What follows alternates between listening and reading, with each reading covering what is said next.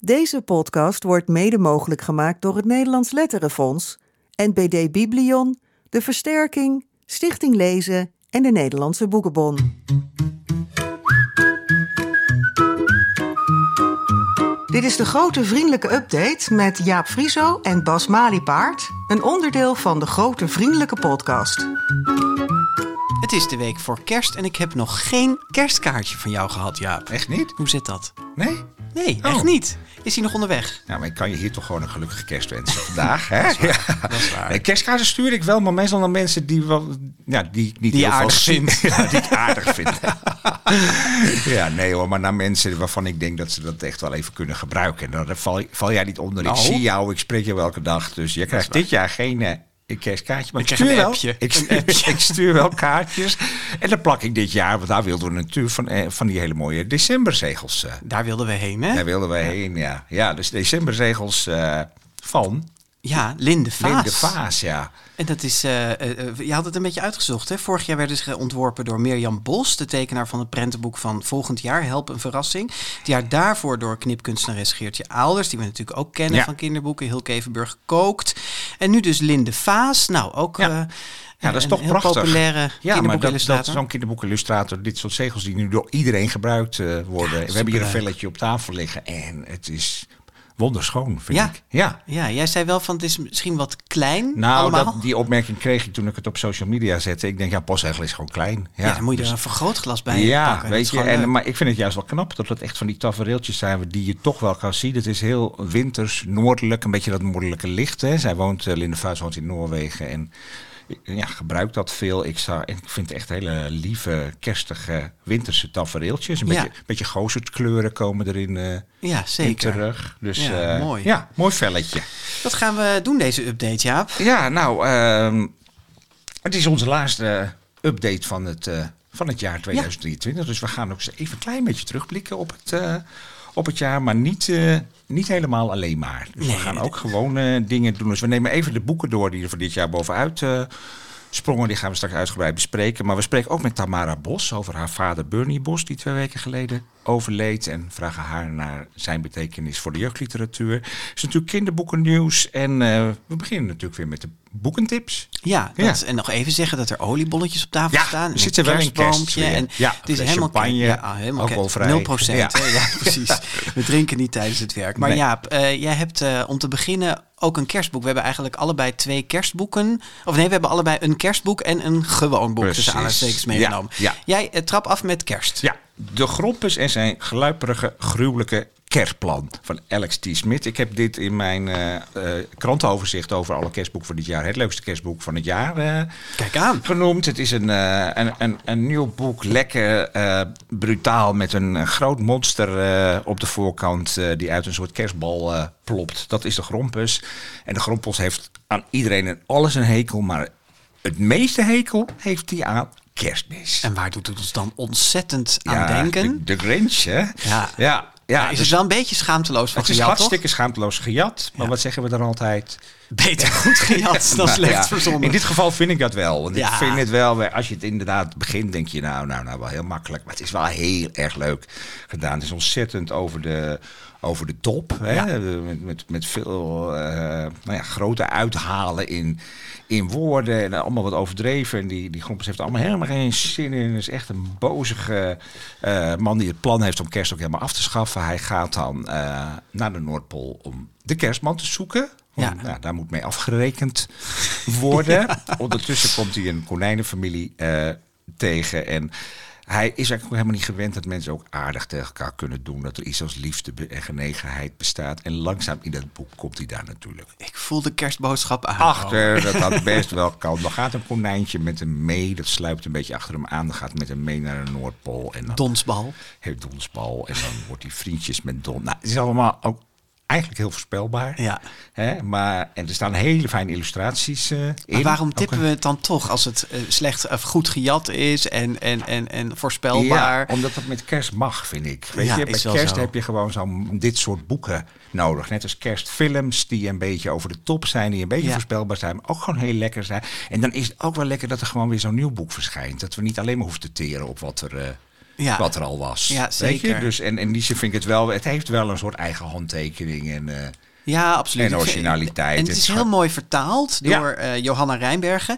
En de hele, toch best een hele rijke taal eigenlijk in het boek. Ja, en het, het, Ehm, het allemaal van die hoofdstukjes hè, waarin de grompers leert over iets lopen. Het, het zijn allemaal van die ja, talige dingetjes. Leuke er tekeningen er ook in. Ja, ik dus, heb het eh, eh, integraal voorgelezen aan mijn achtjarige en Ja. die heeft ervan gesmuld. Het is Ja. ook een, een, een kleine hit wel, weet je. Het, het verkoopt goed. En, eh, Ik geloof zelfs dat als je er nog één op de kop wil tikken, dat je een beetje snel moet zijn. moet je echt bij de boekhandel zijn, want online is hij eigenlijk niet meer te krijgen. Ja. Bij de grote blauwe vriend. Ja, Nee, ja, maar daar doen we sowieso geen boodschappen, ja. Nee. Jij hebt een boek meegenomen, dat heb je ook integraal voorgelezen. En Ja, hier zucht je al de hele week over dat je dat zo geweldig vindt. Nou ja. Ik heb me er maar overheen gezet, dat ik ook mogen tippen. Nee hoor, ik vind het ook een leuk boek. Ik moest jou wel overtuigen, toch? ja. Ja, nou, ik, ik zal even uitleggen. Dit, eh, Jaap, dit roept bij mij een enorm eh Bramenbuurtgevoel op. Ja. En, en de mensen die de boekjes van Jill Barklem kennen... Kende jij ik niet, heb, hè? ik heb geen Bramenbuurtgevoel. Nee, nee. Nou, dat, dat, dat zijn en ze- muizen eh, in huisjes en met eh, potjes jam op, de, op plankjes. En, en dat, weet je, het is allemaal heel petit peuterig inkijkje in de muizenwereld. Ja. Vertel even wat Zoek. het is. Nee, maar echt, Oh, ik ga ja. eerst even een lans breken Ja. voor Jill Barklem, want daar deed mij dit zo enorm aan denken. Eh, Jill Barklem is nog wel iets beter hoor dan dit. Ja. Maar dit is eigenlijk een lans om, eh, eh, om, om Jill Barklem weer eens even op het podium te hijzen en gewoon haar weer eens te gaan uitgeven in het Nederlands. Want dat bestaat al heel lang niet meer in het Nederlands, vroeger wel in mijn jeugd. Ah, En, het is een eh, geheime missie. Dit was eigenlijk mijn geheime missie om dit te kunnen zeggen in de podcast. Maar zolang Jill Barklem er niet is in het Nederlands, de Bramenbuurt, zou ik zeggen.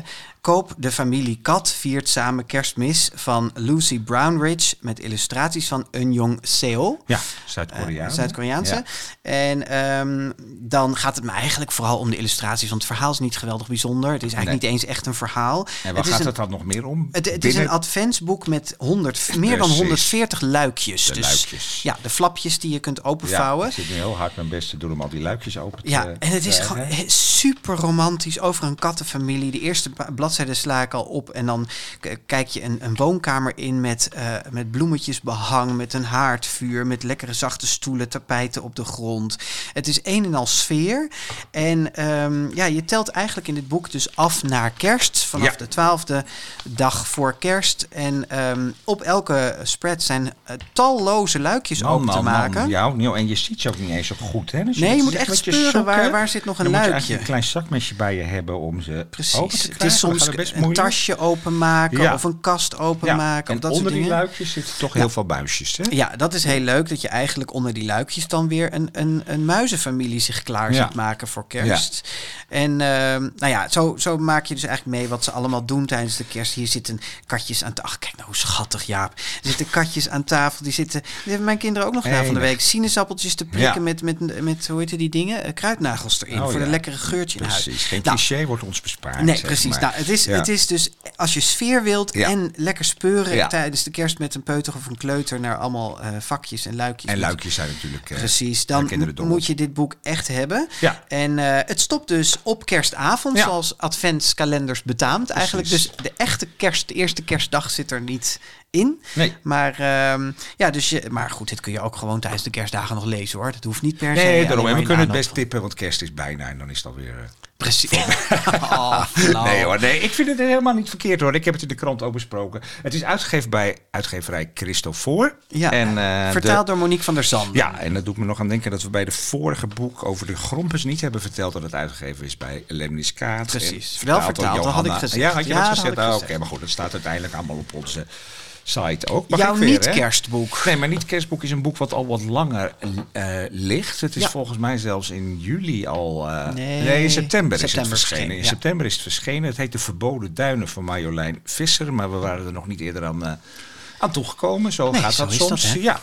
En, eh, Debuut hè, van haar. de buurt in elk van Marjolein. Visser. Ja, ze heeft wel voor volwassenen geschreven. Het is iemand die in, een beetje in de psychiatrische eh, zorg werkt. eh, heeft ze lang gedaan. Een beetje in de crisiszorg, zeg maar. En die ervaringen heeft ze gebruikt eh, in dit boek. Mhm. Eh, het is een boek over eh, ja, kinderen die toch in wat zwaardere omstandigheden eh, opgroeien. Dat klinkt ook meteen heel zwaar, maar dat, dat is het dus niet. Het is een avontuur. Zo leest het niet. Zo leest het niet. Nee, nee. Het is een avonturenboek over een eh, meisje dat in een. eh, de dochter van een schoonmaakster, de schoonmaakster van een hotel. En zij wonen daar vlakbij. dat hotel en haar moeder moet dus echt gewoon heel hard werken. Vader is net weggegaan. Er is nog een kleiner eh, broertje. Het, het meisje heet eh, Mila. En nou je merkt gewoon alles dat ze het zwaar heeft, maar dat ze ook wel een soort onverzettelijkheid heeft. En ze wil het leven eigenlijk beter maken. En daarvoor heeft ze het briljante plan verzonnen. En eh, nou ja, dat briljante plan, dat ontvouwt ze. Dat ga ik verder niet al te veel vertellen. Maar dat is wel zo'n lief kinderlijk plan eigenlijk. Van ja, het is eigenlijk een kind dat het gewoon toch de verantwoordelijkheid voelt om het beter te maken voor haar moeder. En Ja. ondertussen En dat schrijft ze ook zelf uit, hè? Op Ja, een dat soort van kladblokpagina's uit. zie je Ja, dat met Ja, allemaal ja, handschriftachtige ja, letters. Ja, ja, in hele kleine rotlettertjes. eh, Ja, dat vond ik wel ja, echt ja, dat is vervelend vervelend lezen. Ja, maar Maar dat is misschien een oude mannenkwaal, omdat je dat niet goed kan lezen. Ogen kunnen dat niet meer aan. Nee. Zij eh, eh, ontmoet een meisje waar ze bevriend mee raakt. Waar ze ook wel een beetje op aast om daar bevriend mee te raken. Dat blijkt de dochter van de, de baas van het hotel te zijn. Ja. juist heel eh, rijk te zijn. Nou ja, die tegenstelling is aardig uitgewerkt. Zij raken bevriend. Dat meisje lijkt, blijkt ook niet alles mee te hebben in het leven. Dat stottert nogal en heeft ook wat problemen, weet je. Dus Ook als je rijk bent. valt eh, het allemaal niet meer. nee, dat klinkt precies. weer als een cliché, maar zo is het niet, eh, niet uitgewerkt. En ja, wat mooi vind ik dat is van dit boek dat er een soort laag onder zit van ehm, dat als je in die een beetje ellendige omstandigheden zit, dat heel veel dingen toch ook een beetje tegenzitten. En, en, en dat deed me een klein beetje denken aan dat bijvoorbeeld aan toeslagenschandaal. Ja. Weet je, kinderen die ja, van je voelt, die willen het ook heel goed doen, die willen hun ouders helpen, maar ja, het, het, het, het, het soms gebeuren ook weer dingen buiten hun wil om die dan het er niet beter op maken. Of hebben ze een beetje de omstandigheden tegen. Of worden ze ook weer ergens van verdacht, weet je. Omdat ze toch gewoon, ze, ja, ze horen gewoon niet bij de, bij de, Nee. bij de bovenlaag, zeg maar. Dus Ja. die moeder wordt op een gegeven moment ook verdacht van diefstal. Terwijl ja, ze willen het allemaal heel erg goed doen. Het zijn hele lieve, lieve mensen. Nou ja, het speelt dus in een hotel aan zee. Daarom heet het ook de Verboden Duin. Het is een, eh, een gelaagd eh, boek. En ik vond het voor in de buurt echt een heel... eh, wervende quote van Jacques Vriends voorop. Ja, Zou je het ook in de jeugdliteratuur in zijn ja, erfenis zeg maar, plaatsen? Of, Mm, niet direct, maar het is wel op zich toegankelijk verhalend wat hij ook kan. En wel echt vanuit het kind geschreven. Ja. met illustraties van Sophie Pluim erin. En het is verschenen bij uitgeverij Leopold. Leopold. Het is denk ik voor tien jaar. Tien jaar ouder, ja, zoiets. Ja. En dat is eigenlijk ook zo met het volgende boek. Dat is de laatste die we gaan bespreken. Dat heet Lava van Mireille Geus.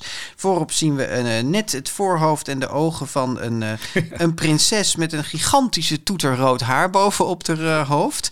En dat is de hoofdpersoon van dit boek, prinses Lava. Zij is een van een tweeling. En we horen eigenlijk in de eerste zinnen van het boek al dat de andere helft van de tweeling is overleden. Alleen weigert Lava dat te geloven. Zegt, ik geloof niet dat je dood bent. Nee. Mijn ou- onze ouders zeggen het wel, maar ik geloof het gewoon niet. En wat er precies gebeurt is dat, ja, dat merk je eigenlijk pas in de loop van het boek. Ehm, maar zij, ehm, ja, zij is, ze wordt bijna 13, de laatste week voordat ze 13 wordt. En eh, ja, wat dan de traditie is in dit koninkrijk, het is dus een fantasieland, eh, is dat zij te voet op weg moet naar het land waar zij koningin van gaat worden. Ja. Dus het is in die zin een, een vrij klassieke kweeste, Ja, zoals we dan kweeste, zeggen. Ja. Een kweeste. Ja. En zij, ja, zij zou die tocht eigenlijk met haar tweelingzus maken. Maar ja, die is er dus niet meer. Dus zij wordt nu op pad gestuurd met een jonge tippen. En die heeft een hond bij zich, Barrel. En dat is, nou ja, die is op sterven na dood. Het is echt een, eh, een barrel van een hond. Ja, Een leuk gekozen ja. naam. En die hond die, eh, die is afkomstig uit het land waar zij eh, koningin gaat worden. En die moet haar de weg wijzen. Ja, die weet het is een moeilijke tocht. Ze Het weten niet precies hoe, waar ze allemaal langs. Ja. Maar is, er, is het een sprookje? Ja, het is wel een sprookje. Alleen ik vond het, wat ik er heel bijzonder aan vond, was dat haar verteltoon. Dus je hoort prinses Lava aan het woord. Zij schrijft het hele boek is eigenlijk één lange, of eigenlijk meerdere brieven. Achter elkaar aan haar overleden zusje. Waarvan zij dus niet gelooft dat hij is overleden. En zij doet verslag van die, eh, van die tocht. Ehm, maar wat, wat ik het heel apart van Toon maakte, is dat zij een hele rationele kijk heeft op alles. Dus zij heeft eigenlijk voor zichzelf besloten van, ik, ik huil nooit meer en ik lach nooit meer. Ik schakel gewoon alle emoties uit. Wij mensen die, lezers die iets meer van psychologie begrijpen, die denken dan misschien, oh, misschien is daar toch iets aan de hand met die overleden zus. Hè? Misschien probeert ze op deze manier ermee om te gaan. Dat is een overlevingstactiek. Maar doordat ze zo rationeel naar alles kijkt, ontkent ze dus ook de hele sprookjeswereld waarin ze leeft. Ja, dus er ze- komt draak voorbij. daar gelooft ze niet in. Draken gelooft ze niet in. Maar die is er wel. Ja, die is er wel. en toven, tovenarij gelooft ze ook niet in. Maar Maar, dat dan komt het tovenaars Ja. tegen. Ja. En dat maakt het, vind ik, heel fris voor Ja. een sprookje. Omdat Ja. zij echt... En gaandeweg moet zij, ja, zo heb ik het geïnterpreteerd... moet zij toch eh, ja, eh, onder ogen zien dat die sprookjeswereld daadwerkelijk bestaat. Dat er wel een draak is, dat er wel een tovenarij is Ja. enzovoort. En die zus. En dus ook onder ogen zien dat die zus eh, misschien toch overleden is. En Ja. daar, ja, het is dus eigenlijk ook heel erg een, een, een boek over rouwverwerking. Maar dan op een. ehm, ja, ik vond het ook heel geestig. Een beetje ingehouden geestig is het. Ja. Eh, een beetje droog, droog komisch. Ja. ehm. We hebben ieder jaar, vind ik wel, op de rand van het jaar nog even zo'n verrassing van een boek. Ja. Of tenminste, vorig Ja. jaar was dat de Zoon van de Berentemmer, wat in december verscheen. Nou, dit, dit is ook nog niet zo lang geleden verschenen. En ik vond dit echt een, een, een, Ja, een heerlijke verrassing. En eigenlijk gewoon meteen een van de betere boeken. eh, van het jaar. Van het jaar, het, het ja. zou wat mij betreft eh, zo naar een griffel kunnen eh, meedingen. ja, en het had op eindejaarslijstjes kunnen staan, maar dat is het eigenlijk een beetje te laat voor. Ja, want die verschijnen ook. Daar gaan we het straks Nee, nog over hebben. Maar die verschijnen idioot vroeg tegenwoordig. Ja. Maar nee, Lava Mireille Geus, ga het lezen. Ja. Het is een, een wonderlijk avontuur. en, en, en echt ook wel, ja, op een bepaalde manier ook wel spannend. ja, er zit van alles in. Ook zo'n boek rustig twee keer kan lezen. Om Zeker. even te kijken wat er allemaal... Vond het erg eh, leuk. Ja, nou hartstikke goed. Eh, we hebben de boekentips gehad. Die vind je allemaal terug eh, op de- onze website, de grote vriendelijke eh, podcast.nl. En natuurlijk kun je ze kopen in de boekwinkel en in de bibliotheek lenen. En eh, op onze site vind je ook nog de knop Word Vriend. Want we hebben Ja. dit jaar best veel vrienden van de show bijgekregen. hè? Enorm veel zelfs. Ja, Ja, ja. We hebben er nu 433. Mooi getal. Ontzettend blij mee dat er zoveel mensen aansluiten. Want vrienden, dat weten misschien Ik niet weet dat alle we eind, maar- voor, eind vorig jaar heel erg ons best deden om naar de 300 te gaan. Nou, precies. Dus ik bedoel echt, maar. eh, Ja, Er zijn echt heel veel bijgekomen. En dat zijn vrienden zijn dus bij. donateurs. Hè? Dus je bij. kunt. eh, ja, precies. Heb je zin om erbij te komen, meld je dan aan via die knop op onze website of vriendvandeshow.nl de GV podcast. En dan gaan we nu voor de laatste keer dit jaar naar het nieuws met Bert Kranenbarg. Het grote vriendelijke kinderboekennieuws van november en december 2023. 10.000 kinderen tot 12 uit Nederlandse asielzoekerscentra krijgen deze maand de bloemlezing Een boek voor jou cadeau. Het boek bevat verhalen, gedichten en illustraties van onder andere Annie G. Schmid, Max Veldhuis, Jacques Vriends en Bette Westera. Het welkomstgeschenk dat in zes talen verschijnt is een initiatief van Marit Turnquist. In het radioprogramma De Nieuwsbv legt ze uit waarom het zo belangrijk is dat kinderen de verhalen in hun eigen taal krijgen aangeboden. Het eerste is dat ze inderdaad gewoon geen Nederlands kunnen als ze aankomen. En dat ehm, ze in een hele kale omgeving aankomen. En met zwaar ja, getraumatiseerde ouders vaak ook. Dus dat je iets kan aanbieden wat ook die ouders, hè, die misschien nog wel lang geen Nederlands zullen leren, eh, met hun kinderen kunnen delen. Het is natuurlijk ook een stap naar onze wereld. Hè. We openen eigenlijk onze wereld met verhalen. En ja, het is een welkom. En een welkom, dat is naar mijn idee ontzettend belangrijk. Voor vluchtelingenkinderen die geen van de zes talen machtig zijn, is er het tekstloze prentenboek Zaterdag van Saskia Halfmouw. NBD Biblion heeft samen met enkele partners uit het boekenvak een boekenclub opgericht om kinderen kennis te laten maken met de duurzame ontwikkelingsdoelen van de Verenigde Naties. De SDG Boekenclub stelt boekenlijsten samen voor het onderwijs die aansluiten bij doelstellingen als gendergelijkheid, vrede en geen armoede. Mirjam Maus krijgt een gouden boek voor Boy 7, omdat er meer dan 75.000 exemplaren van zijn verkocht. Het boek werd in 2015 verfilmd. En in het programma Galit en Sophie wordt ook aan Charlotte de Maton een prijs uitgereikt. Ik vind het een enorme eer, Charlotte, om jou iets te geven. Het is voor het eerst dat het gebeurt voor een kinderboek. En ik pak hem hier vandaan. Want het is een platinaboek, 150.000 exemplaren voor Alfabet.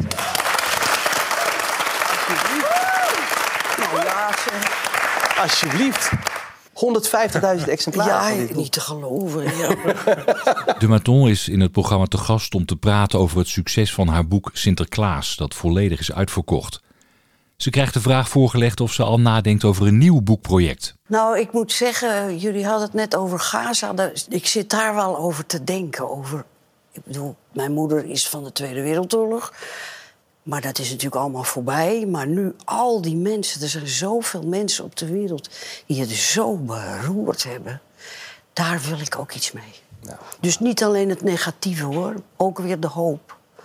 Maar wel dat ook eens in beeld brengen.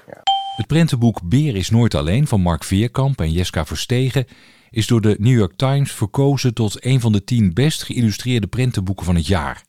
Het boek is in het Engels vertaald door Laura Watkinson. Vorig jaar stond er ook al een prentenboek uit de Lage Landen bij de beste boeken van het jaar in de Amerikaanse krant. Het Eiland van Olifant van Leo Timmers. Het nieuwe PISA-onderzoek, waaruit blijkt dat de leesvaardigheid van Nederlandse en Vlaamse scholieren nog verder achteruit is gegaan, brengt meerdere kinderboekenschrijvers in actie. Mark ter Horst schrijft in een ingezonden brief in de Volkskrant dat kinderboeken te weinig aandacht krijgen in kranten. Geef kinderboeken de ruimte die ze verdienen, schrijft hij. Recensies zijn waardevol voor ouders, leerkrachten en via hen ook voor de leesvaardigheid van kinderen.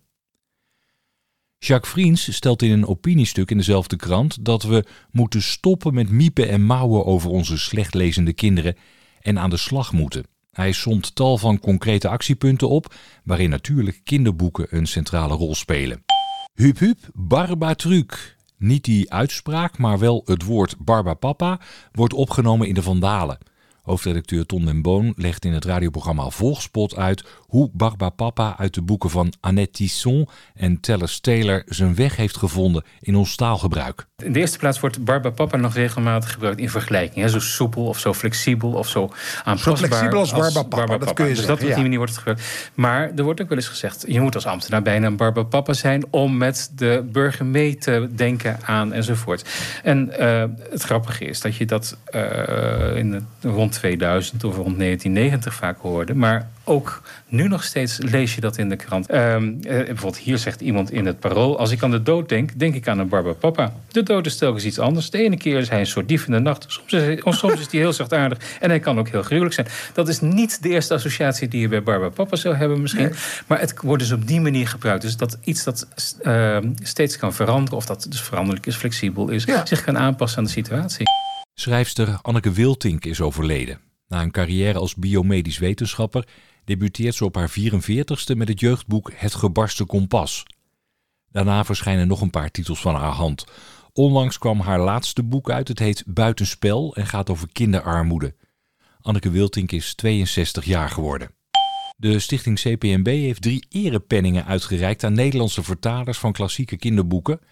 Harry Potter-vertaler Wiebe Budding, Roald Dahl-vertaler Huberte Vriesendorp en Astrid Lindgren-vertaler Rita Verschuur krijgen de onderscheiding voor hun hele oeuvre. In een drieluik van de podcast Lawines Razen is te horen hoe CPNB-directeur Evelien Aandekerk de penning uitreikt aan Rita Verschuur. Dus vanwege die prachtige vertalingen van u van het werk van Astrid Lindgren ehm, en de bijdrage die u hiermee leverde aan de Nederlandse taal, is het een eer dat ik u namens de CPNB de allereerste erepenning mag geven. Nou, Voor vertaler kind- en jeugdliteratuur. Nou. en die ga ik nu uit deze dit tas is halen. werkelijk een... Ja, die had u niet aanzien komen. Dit is nou werkelijk. Dit is hem. Oh nee, maar dit is fantastisch. Oh, wat mooi. Een collectief van kinderboekwinkels en boekenvakkers roept op tot het ontsteken van lichtjes voor kinderen die slachtoffer zijn van oorlog. De bedoeling is om op 22 december, de donkerste dag van het jaar, om 6 uur 's avonds lichtjes en kaarsen aan te steken. Speciaal voor de actie is een poëzieposter gemaakt met een gedicht van Mary Heilema en een illustratie van Tineke Meijrink. De actie is op sociale media te volgen onder de hashtag Lichtjes voor Kinderen. De Nederlandse young adult schrijfster Pamela Sharon beklaagt zich in een video op TikTok over het feit dat steeds meer jongeren alleen nog maar Engels willen lezen. Volgens haar loopt de trend uit de hand. Ze vertelt over de reactie van lezers bij haar optredens. Er zijn meerdere mensen toen naar mij toegekomen met de vraag: eh, is je boek er ook in het Engels? Ik zeg, nee, mijn boek is niet in het Engels. Ik ben een Nederlandse auteur. Ik schrijf Nederlands. Mijn uitgever is Nederlands. Uh, toen kreeg ik serieus de vraag, waarom niet? En waarom vertaal je zelf je boek niet in het Engels? Uh, ten eerste uh, deden die opmerkingen me toch op een bepaalde manier... Nou ja, pijn is misschien een beetje een groot woord, maar goed... Ik, ik vond het niet fijn om te horen dat iets waar ik zo ontzettend lang aan gewerkt heb... gewoon niet uh, gelezen wordt, want Nederlands is cringe. En dat is dus serieus wat er gezegd wordt. Ik ga, ik ga, ja, jammer genoeg lees ik je, kan ik je boek niet lezen, want het is Nederlands, zegt iemand die Nederlands tegen mij praat. En dan denk ik, hoezo kan je mijn boek niet lezen? Want het is Nederlands. Sharon krijgt online veel bijval, onder andere van collega-schrijfster Chinook Thijssen.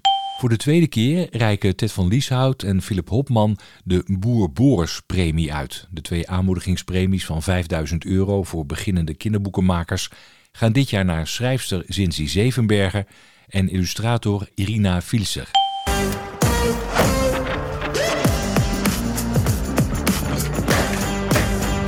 Nou, lieve kinderen, dit is dus juf Brakel. Wat is dit voor chaos? Tot uw dienst, juf Braaksel. Actrice Nicolette van Dam is als juf Braaksel te zien in een van de films voor de kerstvakantie van dit jaar. Juf Braaksel en de Magische Ring is gebaseerd op de boeken van Carrie Slee. Eerder werd bekend dat er in augustus volgend jaar een musical over de vreselijke juf in première gaat. Ja, het was het uh, nieuws van november en het grootste deel van december. Hè, dus dat is een lekker lang uh, bulletin.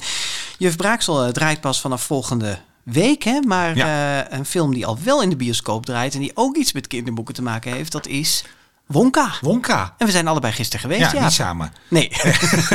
ik, ik naar de Nederlands nagesynchroniseerde... Ja, ook. Ja, want ik oh. ging smiddags en toen dacht ik later... oh ja, ik had beter naar de Engelse kunnen gaan. Maar ja. die draait gewoon overdag niet. En nee. zondagmiddag is wel lekker om naar de film te gaan. Nou, ik had mijn zoon mee, dus die, kan, die kan nog geen ondertitels lezen. Nee. Dus dat moest wel in nee. het uh, En het is een musicalfilm. Bij mij liepen er meteen twee mensen uit de zaal toen ze erachter kwamen dat het een musicalfilm was.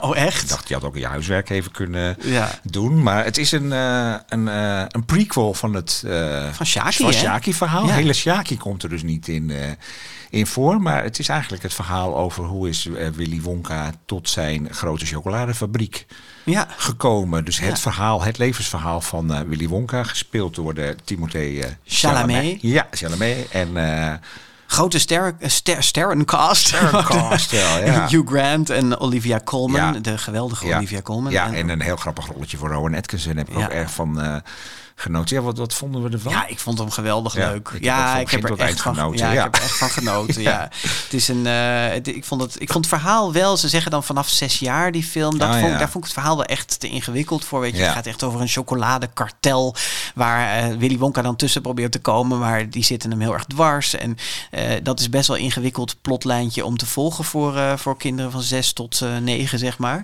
Eh, maar dan, dan is er nog steeds voldoende plezier aan de liedjes en aan alle chocolaatjes. En, eh, Het is ook weer suikerzoet, heel erg kerst. Gewoon dat gevoel van een beetje Charles Ja. Dickens-achtig gevoel Ja. vond ik ook helemaal in de uitvoering en de, Ja. decor en alles en zo. Maar het is op zich wel apart hè, dat ze een verhaal wat Roald Dahl heeft geschreven, dat ze daar een verhaal Ja. bij verzinnen. Ook zelfs nog een boek bij uitgeven, waar toch vrij groot Roald Dahl. Als je niet helemaal goed kijkt, Ja. denk je dat dit gewoon een boek van Roald Dahl is. Maar dat is het dus niet. Want Nou ja, het is natuurlijk de erven van Roald Dahl. Die Ja. hebben de Roald Dahl Story Company verkocht aan Netflix. Ja. Ik geloof dat het zoiets is. Hè? ja, en dat ja, ze- deze film komt ook op Netflix. Precies, dus die, en die mogen daar eh, ja, heel veel mee doen, dus blijkbaar. Ja. En, eh, Ja, en dan staat er geïnspireerd op Roald Dahl's Sjaak in de chocoladefabriek. Dat is het eigenlijk. Maar ja, het is goed gedaan. Ja, vind ik vond het ook. ook echt een leuk, ja, leuk verhaal. Dat je denkt, hé, hey, zo zou het gegaan kunnen zijn met eh, Absoluut. Willy Wonka. Ja, Ja. dus eh, ga dat zien.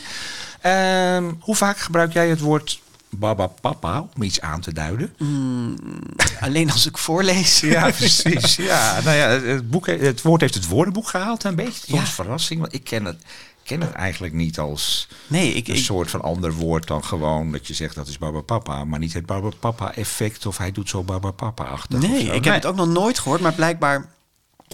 Ja, ze doen bij de Vandalen dan ook allerlei onderzoek in Ja. de media. Van Ja. hoe vaak wordt een woord gebruikt en dat soort dingen. Dus Ja. blijkbaar gebruiken heel Nou veel andere mensen buiten de kinderboekenwereld wel heel vaak Het staat in ieder geval in het woordenboek en er zit een leuk verhaal achter. Hè? Ja, dat vond ik wel grappig, want daardoor ging ik weer even googlen op Barbapapa. En toen kwamen we toch wel eh, een heel leuk ontstaansgeschiedenis eh, eh, tegen. Er gaat hier even een appje, Ja. komt er binnen. Jaap, zet je telefoon eens uit, jongen.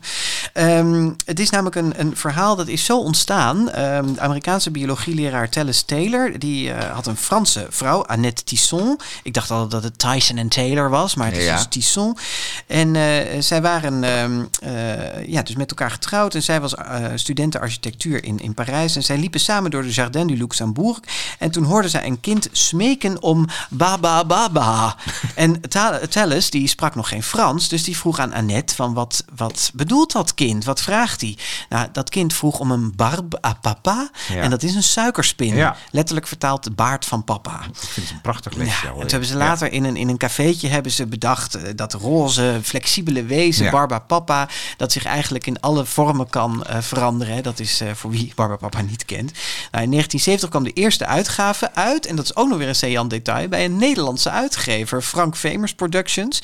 Andere internationale of Europese uitgeverij waarbij wie ze het hadden aangeboden, die durfden het niet aan vanwege de hoge productiekosten. Dat Ja. zal waarschijnlijk met kleur te maken Oké, dus het is echt voor het eerst in Nederland verschenen. Ja, in Nederland wat is het voor het eerst verschenen. Ja, terwijl later echt in heel veel landen... Ja, en, en vooral, het heeft natuurlijk vooral een, een vlucht genomen qua bekendheid door de animatiefilms die zijn eh, gekomen. Laat ik denk dat veel meer mensen ook het kennen van de animatiefilms dan van de Dat boeken. denk ik wel. Ja, Maar ook de boeken zijn toch ja, in 30 talen uitgebracht. En ja, ja wat, wat ook nog een leuk kinderboekendetail is dat de eh, begintune van de Nederlandse Barbapapa, die is geschreven door Harry Gele.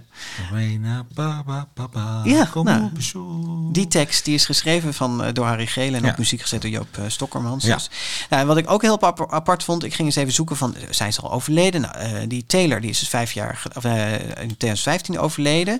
Dus dat is eh, alweer acht jaar geleden. Ja. En over die vrouw is het dus niet helemaal duidelijk. Leeft ze Oh, nou nee? nog of niet? Nee, sommige websites zeggen dat ze overleden is en andere websites eh, zeggen dat ze nog leeft. Dus Ja. dat is misschien een uitzoekpuntje voor een volgende update. Ja, maar eigenlijk Baba Papa en Baba Mama hoe het ermee gaat weten we dus eigenlijk niet zo goed. Met de echte Barba Mama en Barba Papa. Nee, dat weten we Nee. niet.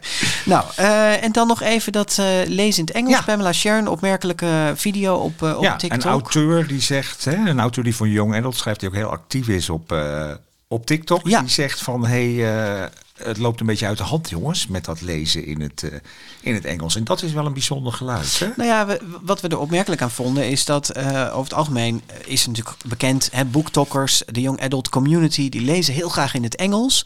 En vaak doen auteurs, ook Nederlandstalige auteurs, daar helemaal niet moeilijk over. Hè. Je leest, het kan makkelijk naast elkaar bestaan. Ja. Je leest Engels en Nederlands naast elkaar. Maar wat Sharon hier eigenlijk zegt, is dat zij dus steeds vaker meemaakt dat Nederlandstalige jongeren aan, hun, aan haar tafel komen bij het signeersessies of dat soort dingen. En dan eh, eh, eigenlijk het Nederlands echt afwijzen. Dus zeggen, oh ja, boeken zijn alleen in het Nederlands beschikbaar. Nou, dan hoef ik het niet meer te lezen. En dat is natuurlijk wel, dan gaat het wel heel ver natuurlijk. En dan is het niet meer zo van, nou, je leest soms eens Engels en soms eens Nederlands. Maar dan is Nederlands dus cringe, zoals Pamela Sharon eh, Ja. de, de jongere Ja. quote. En dat is eigenlijk iets om je voor te generen als je Ja. Nederlands leest. Ja. Dat is toch wel een opmerkelijke ontwikkeling. Ja, ja. En zij is dus niet de enige die dat signaleert. Nee.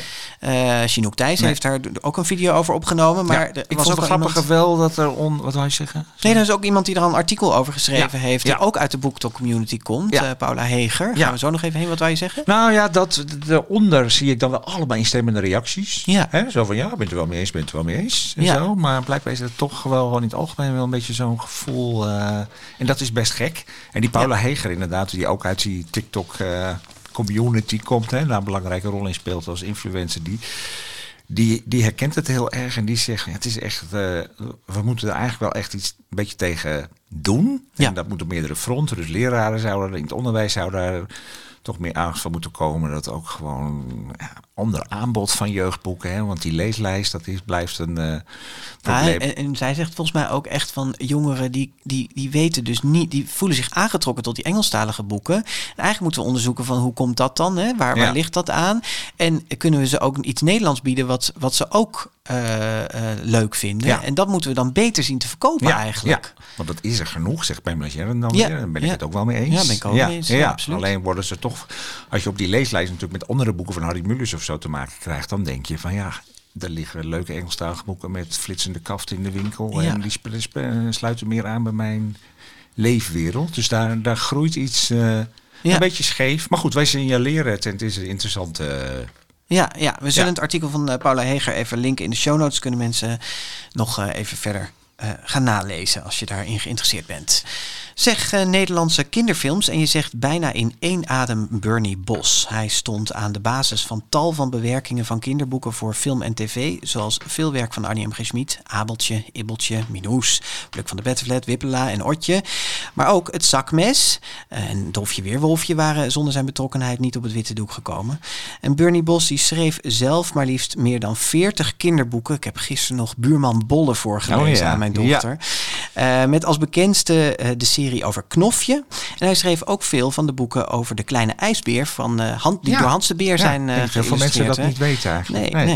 nee. Eh, we vroegen zijn dochter Tamara Bos, die zelf ook scenario's en kinderboeken schrijft, of ze met ons haar licht wil laten schijnen op zijn kinderboeken. En gelukkig wilde ze dat. Hallo Tamara. Hey, hallo jongens. Hallo, hey, Tamara natuurlijk nog gecondoleerd ook van ons. En eh, nou ja, fijn dat je zo kort na zijn overlijden met, eh, van je vader met, met ons wil praten. Eh, hij overleed op de eerste dag van december, dacht ik, hè?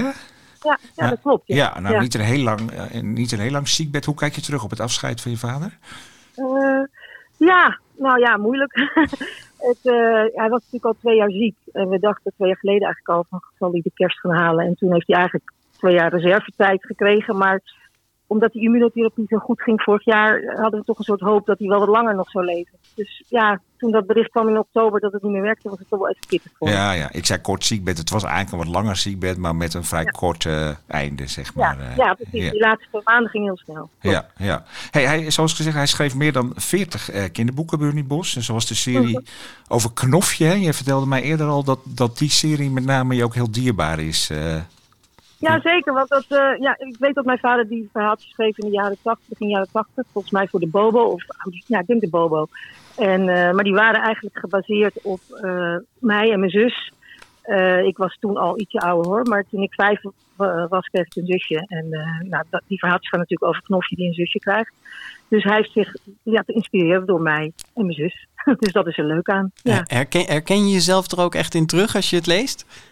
Eh, nou ja, ik was wel een eigenwijs, eh eigenzinnig typeje, dus wat dat betreft wel. Eh, en wij woonden in Zeeland toen ik vijf was. Toen hadden we een buurmeisje, die inderdaad Knofje werd genoemd. Dus daar komt die naam vandaan. Oh, wat grappig. Ja, Ja, ja, want hij, ja. hij baseerde dus veel dingen echt wel op heel dichtbij eigenlijk. Op zijn eigen leven, op de dingen die hij zag in de buurt. Zeker, zeker. Ja, Ja. zoals Radio Lawaai Papegaai, daar heeft hij ook heel veel verhaaltjes voor geschreven. En die zijn uitgegeven in die boeken van Hen- over Henkie en Elsje. Dus dat is 1 april, Kikker in je bil en eh, Wie praten met de poes. Dat zijn vier boeken eh, uiteindelijk. En ja, die verhaaltjes die gingen eigenlijk ook over mij en mijn buurjongetje. En, eh, dingen die wij gewoon meemaakten. Dus hij keek gewoon goed om zich heen, zou ik maar zeggen. En liet zich inspireren. Ja, ik, heb dus net, ik zit dus net buurman Bolle voor te lezen aan mijn dochter. En dat zijn eigenlijk net als, als knofje hele korte verhaaltjes. Hè? Het is, is, is, is dat, kun je zeggen dat dat zijn specialiteit was? Zeg maar de korte baan, die, die korte afgeronde hoofdstukjes, verhaaltjes? Ja, ik denk het wel. En ik denk ook, kijk, hij schreef heel vaak heel functioneel, dus voor radioprogramma's of voor. eh, dus, het, ja, dat, dus het was gewoon. Hij ging niet een heel lang boek zitten schrijven. Hij heeft er wel een paar. Nou ja, dat waren ook volgens mij altijd feuilletons voor bladen. Dus Circus Grote Meneer herinneringen, daar heeft Kate John King geïllustreerd. Dat is een heel mooi boek. Maar volgens mij waren dat ook verhaaltjes voor, ik denk de Bobo of Margriet of Ouders van Nu, zoiets. Ja, dus dan is dat, dat feuilletonachtige, dat werkt natuurlijk dan ook mee aan die korte afgeronde Ja. Ja. eh, ja, stukken. Ja, mooi. Ja. Ja. Waarom, eh, waarom schreef hij, maakte hij zo ook graag dingen voor kinderen, denk je? Nou ja, ik denk zelf, mijn theorie is, mijn vader is opgegroeid in een onderwijzersgezin. Hij is zelf ook eh, opgeleid tot onderwijzer, dus hij is ook aan het begin van zijn carrière gewoon meester geweest op de basisschool. Eh, en ja, hij interesseerde zich voor kinderen en vond het belangrijk dat kinderen serieus werden genomen. En ja, dat deed hij dus ook in zijn werk. En eh, als onderwijzer, maar ook later als schrijver en als radiomaker en filmmaker. Ja. ja, mooi. Heb je eigenlijk herinneringen aan, aan hoe hij schreef? Ja, ik herinner me wel vroeger dat hij eh, vaak eh, s s'avonds, want dan werkte hij overdag bij de radio, en dan was hij s'avonds vaak aan het, eh, aan het schrijven met de hand nog. En toen ik wat ouder was, dan typte ik het eh, voor hem uit. Dus dan was ik, ja, 15, 16 of zo. Een soort bijbaantje. Oh ja, jij typt het echt helemaal uit. Ja, ja. Ja. En, en gaf je dan, dan je eigen draai er nog aan? soms wel. Soms zei ik van, hm, nou, dat, zou ik dat even anders schrijven, dat vind ik niet zo mooi. En dan, soms zei hij, ja, is goed. En de andere keer zei hij, nee, zo laat staan. Ja. Heb je, heb je zo, kun je ook zeggen dat je zo aldoende het vak een beetje van hem geleerd hebt? Dat het bijna gewoon in elkaar Ja, over... nou, Een beetje wel, want kijk, bijvoorbeeld mijn vader woont in Rio, was mijn vaders eerste filmscript. Wat later ook als, het was eigenlijk eerst een boekje, het heette anders, toen een filmscript. En toen heeft hij dat weer als boek uitgegeven.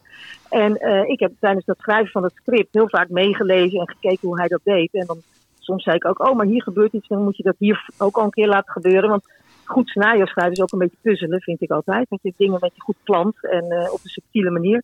Dus nou, toen was ik denk ik 17 of 18, dus ik heb daar wel zeker van geleerd, absoluut. Ja, dat, dat schrijven van scenario's en boeken, dat, dat liep dus een beetje door elkaar heen, langs elkaar. eh, net als geldt voor jou trouwens ook. Wat, wat, wat, wat is het voordeel van die, die, die twee disciplines naast elkaar hebben? En, eh, Ja, heb je er wat aan, zeg maar, voor allebei die media? Ja, kijk, nou, ik ben natuurlijk eigenlijk een beetje als scenario schrijver erin gerold. Eh, en bij mij heeft het vaak een reden gehad dat ik een boek maakte. Dat had dan of te maken met de financiering. Dat ik de financiering voor een film niet rondkreeg. En dat ik dacht, nou, het is gewoon een heel mooi verhaal. Ik ga een boek schrijven. Eh, bijvoorbeeld bij het Paard van Sinterklaas had ik gewoon dat idee voor die film ook gestuurd naar Leopold. En die hadden hem toen al in de, in de boeken, hoe noem je dat, in zo'n... eh, zo'n- Brochure, ja. brochure gezet, ja. En toen moest ik dat boek schrijven. En tegelijkertijd was ik dat film terug aan het schrijven. Maar dat was wel heel leuk, omdat ik dan opeens dacht... oh, maar dit, dit is heel erg leuk voor de film. Maar dit is eh, weer interessanter in een boek. Want het boek is natuurlijk een ander medium dan een film. Dat weten we allemaal. En eh, als schrijvende merkte ik dat heel, heel duidelijk toen.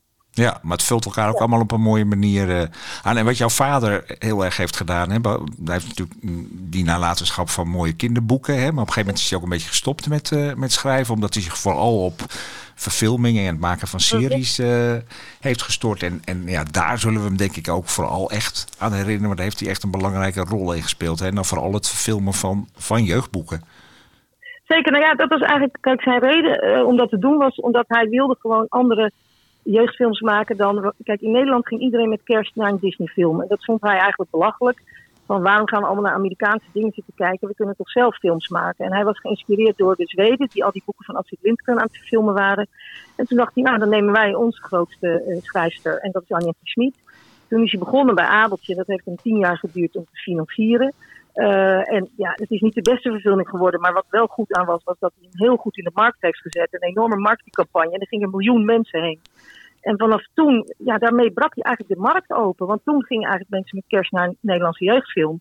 En toen dachten anderen, hé, hey, dat kunnen wij ook. Dus toen kwamen ze met Kruimeltje, Pietje Belt, en hebben wij Minoes gedaan. Dat had ook 900.000 bezoekers, hè, terwijl Harry Potter toen ook uitkwam. Ja, dat, dat kan je je nu niet meer voorstellen. hoor, dat- Fantastisch, ja. ja, Ja. dat- ja, kan, ja, kan je je nu niet meer voorstellen. Maar goed, Minoes was ook wel erg goed gelukt. Ja, en hij heeft eigenlijk die weg geopend voor het verfilmen van, van Nederlandse zeker. jeugdboeken. Zo van, hé, Ja, dat ja. kan ook. Ja, want we hadden net de trailer van Juf Braaksel, of een film van een boek van Carrie Sleet. gebeurt nu aan de lopende band eigenlijk, hè? Ja, zeker. Maar, maar eigenlijk was het idee om goede films te maken. Dus hij gebruikte dit, want hij dacht, dan heb je marketing. Mensen kennen dat, dan gaan ze erheen.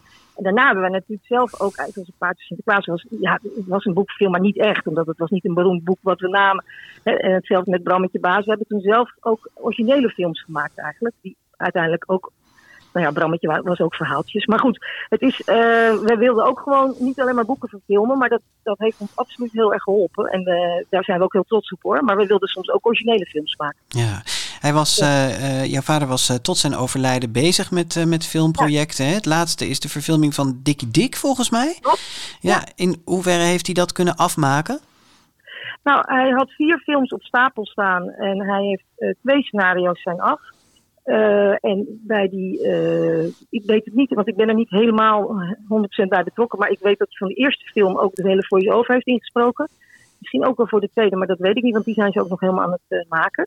Eh, en van de andere twee heeft hij wel, eh, ja, dat noemen we dan een treatment, maar dat is nog niet een uitgewerkt scenario. En Dat zijn alle, alle, alle vier Dikkie Dik films? Of is er één Dikkie Ja, Dik? ja. oh, alle Nee, vier allemaal Dikkie Dik. Ja, Oké. ja, En betekent dan ook dat hij de stem van Dikkie Dik is in de films? ja. Nee, Ja. kijk. Nou, dan, dat is wel heel mooi dat hij op die manier voortleeft. eh. Ja, zeker. Ja, het zal wel gek zijn als ik het eh, ga doen. ja, ik kan me voorstellen. maar Ja. goed, nee, zeker. Maar, nee, maar mijn vader is wat dat betreft eh, gewoon nou, wat je al zei, heel belangrijk geweest voor de Nederlandse jeugdfilm. Maar ook voor jeugdtelevisie. Hè. Bij Vele Achterwek heeft hij van alles gedaan. En hij is gewoon een eh, ondernemende man geweest. En ja, het is heel jammer dat hij nu al niet meer is, vind ik. Ja, en, en, Ja. En, en dat Buurman Bolle waar ik het steeds over had, dat is ook een, een televisieserie geweest. En wat Klopt. nog een saillant detail is, is dat een van de hoofdrollen vertolkt werd door Anke Kranendonk, die wij tegenwoordig ook als kinderboekenschrijfster eh, Ja, kennen. ja. Die was de, de moeder van de kinderen. Ja. Er Ja, staan nog op YouTube ja. allemaal leuke afleveringen Ja, van. ja. Dat was ook een heel leuk programma, absoluut. Ja. Hey Tamara, heel fijn eh, dat je even bij ons aan de lijn wilde komen en even stil wil staan bij eh, de nalatenschap van je vader. En heel veel sterkte. Jullie bedankt voor de aandacht. Sterkte de komende tijd. Dag. Ja. Ja, en dan? Ja, bruggetje naar de boeken van 2023. Precies. Ja. Wij gaan terugblikken op 2023. Wat zijn de opvallendste en beste boeken van dit jaar? Ja, en dan gaan we altijd even die eindejaarslijstjes van de kranten checken. Ja? Ja, lijken er niet meer te worden. Dus we hebben het even gehouden bij de vier eh, grote Nederlandse. Nou, ik vond het wel opvallend hoor. Dat ja. je ja, Ja. Vorig jaar hadden we volgens mij uit, uit Vlaanderen ook nog zo'n eindejaarslijstje. Ja, en jij had er toen ja, mijn regionale krant eh, heeft het ook op een andere manier aangepakt eh, Ja. dit jaar. Dus Ja. geen lijstje. Maar Parool, NRC, Volkskrant en Trouw, die hadden al wel allemaal een lijstje. En er komt een iets minder eensgezind beeld uit dan vorig jaar. Maar er is wel gewoon één boek wat bij alle vier de kranten op het lijstje Nou, staat. tromgeroffel. Welk boek zou dat is nou zijn? De jongen die van de wereld hield van eh Chibbe Veldkamp. Ik vind het ook wel mooi dat dan de grote vriendelijke honderd ook wel een beetje een voorspeller blijkt. Ja, hè? dat Dat, dat, de hoogste nieuwe Ja. binnenkomen. Ja, Die, die dus dat staat was ook, gewoon eh, het boek van dit jaar. En eh, leuk om te vertellen is dat Querido liet weten dat de filmrechten van de jongen die van de wereld hield eh, inmiddels zijn verkocht. Nou, Dus, dat, eh, dat kon bijna niet anders. nee. Zo'n filmisch boek. En het andere boek dat eh, eh, heel vaak genoemd werd, drie keer, of nou heel vaak, maar op van de vier lijstjes stond hij toch op drie lijstjes. Namelijk eh, Neem nooit een beste vriend van Erna Sassen. hè. De hebben wij ook getipt Nee, in het eh, begin en van het jaar. had ik ook een lijstje mogen maken, dan hadden ze daar ook wel eh, Allebei ook opgestaan, opgestaan, denk ik. Ja, ja. maar verder waren er toch best wel verschillende eh, boeken allemaal. Hè. Bij jou stond naast deze twee boeken stond Mani Schaaf IJs, Gelukkig en Blij, de dichtbundel van Edward van der Vendel en het Kabouterboek, Kabouterboek van, van, eh, Loes Loes Riphagen. Riphagen. Ja. Ja. maar die vond je dan in de andere kranten weer niet terug. Hè? Onterecht. Ja, ja. Nou, wat wel zo is, is dat ik geloof dat Piotr van Lenter in de Volkskrant, die heeft maar drie boeken gekozen. Twee boeken of zelfs. twee boeken. Ja. En, en anderen hebben dan Nee, ook weer top drieën. En ik mocht er vijf. Ja, Ja. dus nou ja, goed, van alles. eh, En, wat. en ja, bij andere kranten zagen we nog misschien toch wel leuk om die titels nog even te Ja. noemen. Touw in de waarheid van Marco Kunst en Jeska Verstegen. Dat bedoel ik, zei de Zalm van eh Joke van Leeuwen. De Spinnende Sleutel, de nieuwe Anna Woltz. eh ZBD's en het Ganzenbord van Wissen van Koos Meinderts. En die hele dikke, dat wormenboek wat Ja, wij wat ook getipt hebben. hebben, de woelige wereld van de worm van eh, Noemi Vola heet zo. Vela, weet ik even niet meer. En eh, ik ben mijn zusje kwijtgeraakt van Mohana van de Kronenberg. Kwam ook nog eh, langs op een lijstje. Mis jij nog boeken als je dit helemaal gehoord Ja, hebt? ik heb dus niet dat, echt dat lijstje gemaakt. Als ik een lijstje had gemaakt, dan had ik denk ik daar wel op de groslijst in ieder geval eh, het kleine heelal van Anne-Jan Miras nog Ja. bij gezet. Ja, weet je, heb ik dat ook wel over getwijfeld, Ja, ik weet niet of het Ja. dan gehaald had. Maar ja, en ik vind dat Lava van Mireille Geus, wat we net getipt hebben, ook een boek. Dat moet altijd, dat is ook wel lastig als een boek zo laat in het jaar verschijnt. Was ook een beetje met Anne Woltz. Ja. Want soms moeten boeken ook even in je groeien. Ja. Of juist niet. In je da- groeien? Ja, nou ja, of in je dalen. Dat Ja. kan ook. Nee, hè? dat- Dat, je in het ja, begin heel enthousiast bent. Ja, maar het kan beide. Weet je, Ja. dat je een boek in het begin denkt van, ach, het gaat wel. En dan wordt het steeds belangrijker. Of andersom. Ja. kan ook heel enthousiast zijn bij...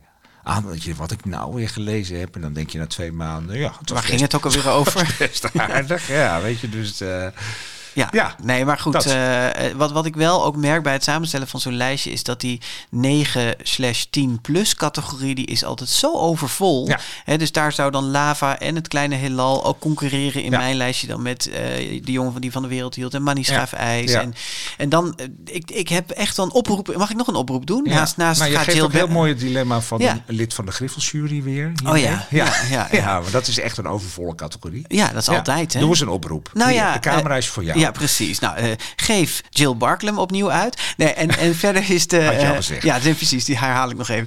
Eh, en verder is de oproep eigenlijk aan uitgevers: ga eens wat meer eh standalones, noemen ze dat dan. Hè? Dus al- op zichzelf staande boeken voor 7 à 8 plus publiceren. Daar komen heel veel serieboeken voor uit. Hè? Ja. Maar eigenlijk weinig op zichzelf staande boeken. nou ja, van een net andere kwaliteit dan het gemiddelde serieboek. En dat, dat mis ik wel echt heel erg. Ja. ben je het daarmee eens? Waarvan akte, ben ik het zeker mee eens. Ja, ja. Dus dat, uh... ja, er is nog één ander boek, denk ik, dat we even moeten noemen in dit overzicht. Want als we het hebben over de boeken van dit jaar, is behalve naast het boek van Tjibbe Veldkamp toch ook Sinterklaas van Charlotte de Menton. Zo'n Absoluut. boek wat dit jaar. Uh, Beetje gek om dat weer op een eindejaarslijst nee, te gaan daarom, zetten. Want het is ook, precies. ook Ja. een oud boek. Ja, maar ja, nou ja, goed, ja, dan weer precies. vernieuwd. Ja, hey, en voor onszelf, wat was het voor jaar? Een eh, mooi lustrumjaar, denk ik, hè? Absoluut. Ja, we hebben, veel- we, hebben, we hebben genoten van dit, dit het vijf Alle jaar aandacht. bestaan. Nee, ook. Nee, maar ook genoten gewoon van alle, alle leuke dingen die we met luisteraars hebben gedaan rondom, die, eh, eh, rondom dat lustrum. En, en verder weer prachtige afleveringen gemaakt, geloof ik. Tenminste, wij hebben wel, als we terugblikken, wel een goed gevoel over dit seizoen, Ja, toch? Gewoon weer mooie afleveringen, Ja. mooie boeken verschenen, mooie Gevarieerde gasten. gasten. Ja, en we hebben natuurlijk weer de grote vriendelijke pakjesavond eh, gemaakt, wat toch ook wel een mooie traditie begint te worden. En wat ook een mooie traditie begint te worden, is die eh geven 100 poster. Hè? En die begint wel echt een vlucht. eh, Die begint een beetje een eigen leven te leiden, ja. Ja. ja, dat, dat, wij- wij- ja echt Ik zie waar. hem ook voor heeft hij echt beentjes en armpjes. Ja, en ja precies. Gaat zo, Nee, de wij- beide wereld in. Wij kregen na de pakjesavond, we hebben natuurlijk die poster dan downloadable op onze website, hè, dat je met hoge resolutie kan printen en zo. Maar we kregen toch heel veel berichten van mensen van, ja, kunnen we ook de echte, de gedrukte poster bestellen? Nou, daar zaten wij niet heel erg op te wachten om al die posters in kokers te moeten stoppen. En, en bovendien, nou ja, even los van het werk, is dat dan ook naar kosten en weet ik wat allemaal. ja. Maar we zijn hele leuke, eh, en sommige luisteraars weten dit al, die op zijn socials kijken. We hebben zijn een hele leuke samenwerking aangegaan met de uitgeverij Blossom Books. Die hebben namelijk een, eh, ja, een, een verpakkingsdienst en verzendservice voor hun eigen boeken. Je kunt allerlei leuke dingen via hun website kopen. Ook niet boeken, mokken en zo, en tasjes en van allerlei toestanden. En eh, wij waren daar vorig jaar een keer op bezoek. En toen eh, heeft de uitgever ons een keer een rondleiding gegeven. En toen kwamen we ook langs die eenpakafdeling. Dat hebben we in onze oren geknoopt. Precies. En nu zijn ze verhuisd. Nu zijn ze een be- beetje half mijn buren geworden. Want ze wonen in Zeist in een prachtig pand. En Ja. daar, daar doen ze het nog steeds. Ja. En daar heb ik dan weer duizend postertjes afgeleefd. Eh, Precies. ja. Toen hebben we dat opengezet op de Ja. webshop van Blossom Books. En die posters die waren binnen no time weg. 1 tot maximaal 10 posters per koker kon je bestellen. Posters zijn gratis, maar je betaalt wel de verpakkings- en verzendkosten.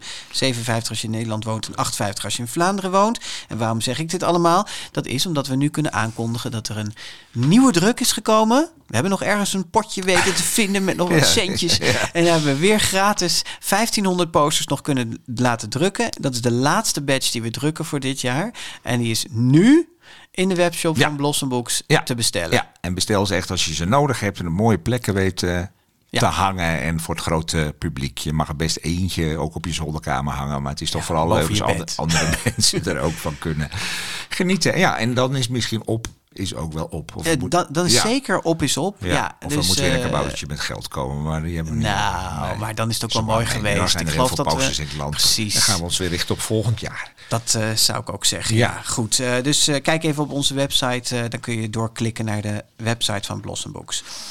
Ehm, nou, en dan gaan we eh, ook weer een eindejaarsquiz organiseren Ja, dit jaar. ja. Kregen we ook alweer vragen over. Komt Ja, hij er weer? Komt hij er weer? Nee, daar is het eh, grote vriendelijke Jaapje maar druk mee eh, momenteel. Ja. Het begint in januari al, mensen. Nou, dat valt mee hoor. Nee, maar ik, ik neem de ervaringen van afgelopen jaren mee. Wordt hij nog pittiger, nog langer? nee, hij wordt korter. Hij wordt korter, Ja, heel goed. hij wordt korter, hij wordt korter en hij wordt pittiger. Dat is eigenlijk de samenvatting. Kort en pittig. Ja, Nee, hij wordt niet heel kort, maar hij wordt wel iets korter Angebote en iets minder eh, met vragen en dingen die eh, heel erg opzoekbaar zijn. Te googlen zijn. Nee, ja, te googlen. Dus ze zijn wel opzoekbaar, maar dan moet je naar de GVP gaan luisteren. Kijk. En, en weet je, dat is het leuke ervan. Dus het is heel erg, alles is terug te vinden in de GVP. Alle vragen en antwoorden zijn gelieerd aan, eh, Ja. aan de GVP. Dus Maar je kunt niet zomaar een zinnetje door Google heen gooien en dat je dan. eh, nauwelijks, denk ik. Heel goed, Ja, ja. ja. Maar daar moeten we dan meteen even eh gehoor aan geven dat er in de GVP eh, antwoorden te krijgen Ja, zijn. ja, dus we hebben een Vraag, eh, eh, een vraag- vraag. vraag 47. Ja, vraag 47. Vertel ja, wat is de vraag? Vraag 47 luidt. Zal ik met Nederlands, Nederlands doen? Ja, doe maar. Bij deze uitgeverij verschenen de Friese vertalingen van de Gruffalo en Lampje. Ja. Ja, dus bij deze uitjouwerij verschenen de Friese vertalingen van de Gruffalo en Lampje. En dan zoeken wij de eerste letter van die uitgeverij. Nou, ik weet hem al meteen. Ja, dat is ook niet zo en dat is niet te moeilijk.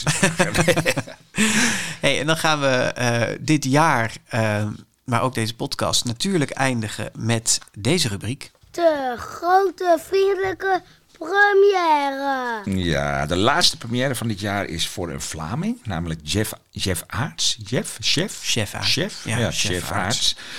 Hij won al drie zilveren griffels. De meest recente voor eh, een boek uit 2018, De Blauwe Vleugels. Prachtig boek. Hebben we ook getipt. Ja, en eh, eind februari volgend jaar verschijnt zijn nieuwe boek, Roversjong. Dat gaat over een kip die uit de klauwen van een vos weet te blijven. En chef leest zelf de eerste bladzijde voor. Viera Kloek zat veilig op haar eieren. Onder de bessenstruik had ze een rommelig nest gemaakt. Daar wachtte ze nu al weken op het eerste piepje. Maar die ochtend hoorde Viera geen piepje. Uit de boomgaard klonk net een ontzettend kabaal. Van onder de struik zag ze de andere kippen in paniek alle kanten ophollen. De oude haan kraaide en klapperde met zijn vleugels. Er was een vos op de boerderij. Het beest had een tunnel onder de heg gegraven en drong nu de kippenweide binnen. De arme hennen fladderden tegen het hek op of probeerden tevergeefs in een boom te vliegen. Het was een enorm gekakel en gekrijs. Alleen Viera bewoog niet. Niemand joeg haar van haar eieren.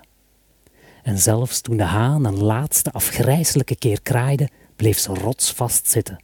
Want dat is nu eenmaal wat alle kloeken doen. Pas toen ze de voetstappen van de boer hoorde, kwam Viera onder de struik vandaan. Het was beginnen te regenen. De druppels roffelden op de bladeren van de pruimelaars. Verder was het stil in de boomgaard. Alle kippen waren weg. Het gras was bedekt met veren. Aan de voet van een pruimenboom lag de oude haan op de grond. Hij tokte niet toen Viera in de buurt kwam en hij vroeg ook niet of er al een eitje piepte. De boer keek naar Viera en schudde zijn hoofd. Toen tilde hij de haan op en droeg hem de boomgaard uit. Roversjong van Jeff Aarts was dat. De eerste bladzijde. De illustraties zijn gemaakt door Martijn van der Linden. En het verschijnt eind februari bij uitgeverij Querido. Ja, en hiermee zit eh, dit jaar en ook deze update eh, erop. Erop. Up. Het zit erop dit jaar. Het zit erop dit jaar, Bas. Ja. het was een mooi jaar. We namen deze 109e aflevering van de GVP op op maandag 18 december 2023. Natuurlijk in kinderboekwinkel Kiekenboek in Haarlem. Natuurlijk met Mark Brouwer. Je krijgt ook een oliebol, Mark. Krijgt Je ook een krijgt oliebol. Ja, daar heb ik ook wel zin in. Ja. Sta je me zo aan te kijken? Ik heb er nog niet één gehad, want je gaat al een beetje hoesten van dat uh, Ze hebben ook echt oogjes, hè? Die, die rozijnen die erin zitten. Ja, precies. hey mensen, volg ons vooral op onze social media onder de hashtag GV Podcast. En ook heel fijn als je in je podcast-app wat sterren of een reactie achterlaat. Ja. En dan mag jij het jaar afsluiten, Bas. Fijn. We gaan kerst vieren en oliebollen eten dus. Half januari, dan zijn we er gewoon weer met een gewone GVP. Maar dat is ook een hele bijzondere GVP. En we weten uh, nu ook al met wie. Aline Saks komt vanuit België naar Haarlem om met ons te praten over haar young adult versenroman Wat ons nog rest. Heel fijne feestdagen, een groot en vriendelijk 2024 Zeker. toegewenst. Ja. Pas goed op jezelf en tot dan. Tot dan. Dit was de grote vriendelijke update. Heb je kinderboeken nieuws? Mail het naar info@degrotevriendelijkepodcast.nl.